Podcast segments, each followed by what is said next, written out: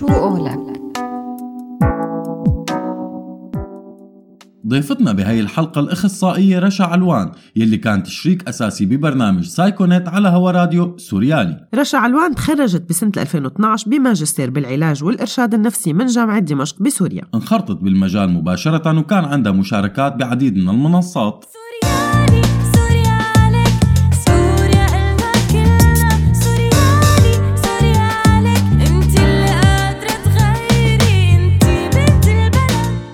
الدكتورة رشا علوان أهلا وسهلا فيك. ضيفة عزيزة ببرنامج من سيرة لسيرة على هوا راديو سوريالي. مساء الخير دكتورة. مساء النور. أهلا وسهلا فيكم بكل مستمعينا. يا هلا أهلا وسهلا فيكي آه، دكتورة بداية آه، برأيك شو الأسباب يلي بتخلي نسب قصص الحب والزواج عفوا بالأزمات والحروب آه، ترتفع بشكل كتير كبير؟ هلا نحن إذا بدنا شوي آه، بس نوضح لمستمعينا آه، الحب هو الإحساس الوجداني أو العاطفي اللي بينتاب الأشخاص وهذا موجود عند الكل. وهو نوع آه، هو إحساس من الأحاسيس الطبيعية الموجودة عندنا إياها.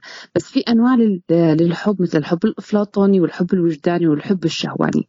هلا بحالة الحب بنمر نحن بمراحل. أول شيء هي حالة الانبهار بعدين الاكتشاف بعدين التقبل. وهون بتيجي أساسا أغلب المشكلات في حالات الحب. بتبلش معنا بحالة الانبهار وبصير في عنا وخصوصا بمرحلة الأزمات لأنه نحن بمرحلة الأزمات بصير في عنا مشكلة بالإدراك وبالمعرفة. فبصير في عنا مرحلة الاكتشاف وهي جدا مهمة بمرحلة ال- آه، بحالات الحب.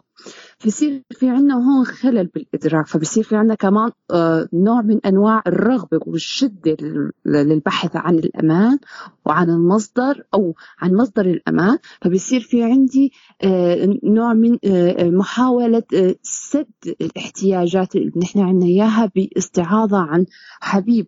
وهون كمان مثل ما قلت لك أول شيء لأنه أساسا هو الحب أنواع فبيكون في عندي مشكلة أساسا بالحب الافلاطوني اللي هو آه، نوع من أنواع المحبة للأهل أو لل- للأرض للوطن. فبنعوض هالشيء هذا بالحب الوجداني مش هيك بنلاقي إنه في ارتفاع بدرجات ال- الحب بين الأشخاص أو الع- العلاقات بين الطرفين. طب دكتورة على الرغم من الفقر والحالة المعيشية المتدنية بس منلاقي في إصرار كبير على إقامة حفلات أعراس ضخمة أحيانا حتى بالبيئات الفقيرة شفنا كثير من الحالات لمتبرعين سواء داخل هاي المناطق يلي فيها اقتتال أو حرب لإقامة أعراس جماعية.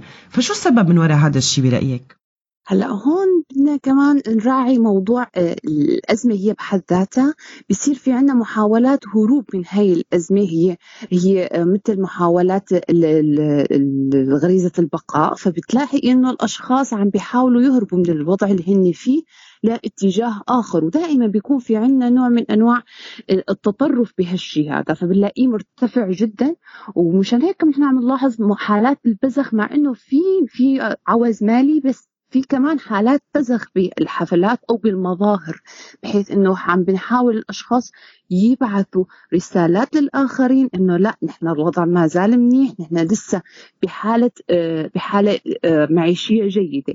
مش هيك بنلاقي في حالات بذخ هون كمان بدنا نراعي موضوع الاضطرابات اللي بمر فيها الأشخاص فبتلاقي محاولات تعويض ما بين الاحتياجات الموجودة وحالات النقصان اللي عم بمر فيها. مثل ما قلت لك كتير مهم نركز على موضوع الإحساس بالاستقرار وبالأمان لأنه أساسا هو ما موجود هالشيء هذا فبيحاولوا يستعيضوا عنه بالبذخ المادي رغم وجود أزمات مالية. فهو هون بصير في عنا تطرف بال- ال- بالدخل وتطرف كمان بالعلاقات الاجتماعية. فبنلاقي بيصير في عنا نوع من أنواع الذهاب نحو نحو الغير سواء سواء أو غير الوضع المعيشي السوي. فبنلاقي إنه الأشخاص عم بي بي بيكون في صرف أكثر كرسائل لل- للحياة إنه لا نحن لسه بوضع جيد. فهي هاي حالات النكران أو حالات آه، عدم تقبل الواقع اللي عم بمروا فيه. طيب دكتورة بنفس الوقت شفنا عدد كبير من العلاقات اللي نشأت خلال هي السنين فشلت وكثير من علاقات الزواج انتهت بالطلاق فهل في ترابط بالموضوع يا ترى؟ طبعا هلأ نحن إذا بدي أرجع للحديث الأول هي مراحل الارتباط أو مراحل المرور بحالات الحب إذا بدنا نحدد أكثر مثل ما قلت لك بتبلش بالانبهار بيكون في عندنا من الطرفين حالة من الانجذاب نحو الآخر وبكون في نوع من أنواع الرؤية بأن هذا الشخص هو الشخص الأسمى بالنسبة لهم بالمرحلة الأهم هي مرحلة الاكتشاف اللي يصير فيها كل شخص يعرف عيوب الآخر لأنه كل شخص في عنده عيوب ما في حدا كامل. فهون بيكون في عندنا خلل بالإدراك نتيجة الأزمة اللي هن عم بيمروا فيها. فما بيتم اكتشاف العيوب أو ما بيتم اكتشاف الأخطاء من الشخص الآخر لحتى تكون المرحلة الأهم هي التقبل والارتباط. فبتلاقي الأشخاص عم بينطوا من مرحلة الانبهار لمرحلة الارتباط فورا بدون ما بيمروا بمرحلة الاكتشاف وهي مهمة بحالات الارتباط أو حالة الزواج. وهذا الشيء اللي نحن عم بنلاحظه إنه مشان هيك عم بيصير في حالات انفصال كبيرة بمرحلة الارتباط في فترة الأزمات أو فترة الحروب. طب هل برأيك كان لوسائل التواصل الاجتماعي مواقع التعارف على الإنترنت سبب بهذا الشيء كمان؟ طبعا شيء أكيد لأن مواقع التواصل الاجتماعي هي فيها نسبة تقريبا إذا بدنا مشان ما نظلم 60% هي من آه، مراحل البهرجة إذا بدنا نسميها. هي نوع من أنواع التجميل للآخر يعني خصوصا آه، المواقع اللي بيتم فيها سرد معلومات عن الشخص المقابل بطريقة غير مباشرة. يعني آه، أفضل أفضل طرق التواصل هي طرق التواصل البصرية لأنه العين بيقولوا مثل باللغة العامية أو بالمثل الشعبي العين مغرفة الكلام. هاي نقطة أساسية. ونقطة كمان كتير مهمة وقت يكون في عنا آه، ارتباط عن طريق التواصل الاجتماعي أو التعارف عن طريق التواصل الاجتماعي. في كتير من الفترات المعرفة المباشرة رح تكون مغفلة وما رح يكون في آه، ردات آه، انفعال مباشرة اللي هي أخذ ورد بين الطرفين فرح يكون في عنا نوع من إغفال السلوك أو نوع من تجميل السلوكيات للآخرين كمان هي بتلعب دور. والشكل العام كمان أحيانا بيلعب دور لأنه نحن عن طريق التواصل الاجتماعي بيتجمل الصور بتتجمل الأحاديث بيتجمل الكلام.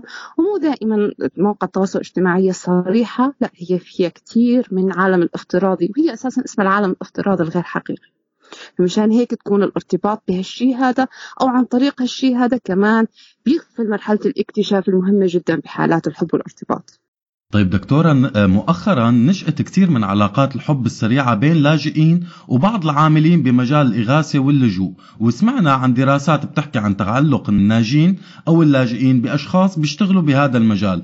يا ترى شو الأسباب برأيك؟ هون بدنا نرجع لسبب الحالات الارتباط في إن البعد المكاني وفي عنا البعد الزماني وفي عنا التناسب بين الطرفين. هلا هون بدنا نرجع للبعد المكاني هي المرحلة اللي يكون في عنا تجمع أشخاص بمكان معين فبصير في تعارف بصير في ارتباط بمرحلة الحب. تماما هي فهمت مرحلة المراهقة المراهق أول ما بيطلع بيدور على أقرب الأشخاص له يا بنت الجيران يا رفيقته بالمدرسة يا حدا من قرايبه يا متعلق بآنسته هو هون كمان نفس الشيء نفس المرحلة. فهو هون كمان نحن بدنا نراعي إنه هدول الأشخاص عم بيمروا بأزمات مشتركة يعني في عامل ارتباط بيناتهم شيء مشترك بيناتهم.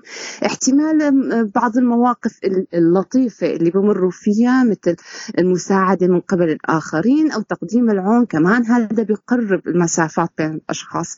بس مثل ما قلت لك موضوع الارتباط بيحدده البعد المكاني والبعد الزماني وطبعا شيء أكيد التقارب بالشيء بالشيء المشترك بين الطرفين. تمام. طب هلا آه، بنروح على العلاقات الزواج اللي صارت خارج إطار الثورة. كمان عم نشهد كثير حالات طلاق من النساء يلي لجأوا من سوريا. فهل الثورة والحرب متصلة بهذا الموضوع يا ترى؟ أم إنه جذور هي الحالات مثلا أعمق من هيك بكثير هلا هون بدنا آه، نشوف الأسباب اللي أدت للارتباط. في أحيانا كثير من الارتباط أو من حالات الزواج بين الطرفين بيكون تحت مسمى معين أو لأسباب معينة.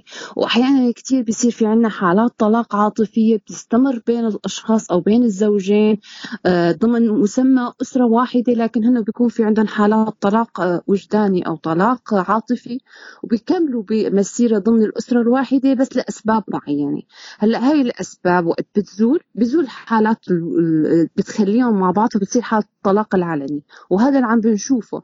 نحن كمان بدنا نراعي موضوع الارتباط أو العلاقات ما قبل الثورة أو ما قبل حالات الأزمة اللي مرت فيها سوريا. كان المجتمع بيكون فيه شروط معينة لل- للزواج.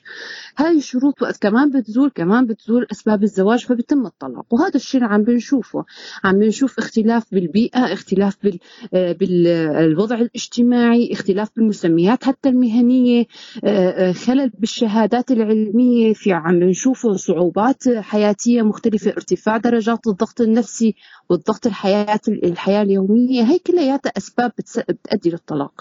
هلأ إذا كان في علاقة وطيدة أو حالات الحب وهون في بدنا نراعي إنه موضوع الارتباط بين الزوجين اللي بيكون متماسك وقوي على أساس صلب رح يستمر هالزواج تحت تحت كل الضغوط أما إذا كان في عنا بعض نقاط الضعف رح تتفاقم ورح تظهر مع أول ضغط نفسي أو أول ضغط بيئة معيشية رح يمروا فيها. فهيك مشان هيك عم بنشوف حالات الطلاق. هون بدنا كمان نراعي إنه في عنا موضوع ال- الخلل بالمراتب. بالنسبة للحالات الزوجية دائما الزوج والزوجة بيشوفوا بعضهم بالدرجة الأولى أو بالنسبة لهم هم الشخص الأسمى بالنسبة لبعض فبيستمر الحالة الحالة الزواجية بالشكل السوي أما وقت يكون في عنا اختلال بالصورة لهدول الأشخاص فبنلاقي في عنا انهيار العلاقات الزوجية. مثل ما عم نشوف عم بمروا خلال فترات اللجوء ببعض الأزمات ببعض المواقف المحرجة آه، بعض آه، الإحساس بالضعف. هذا الشيء عم بيخليهم ينسحبوا من حياة بعضهم عم بيصير في عنا حالات الطلاق اللي عم بنشوفها.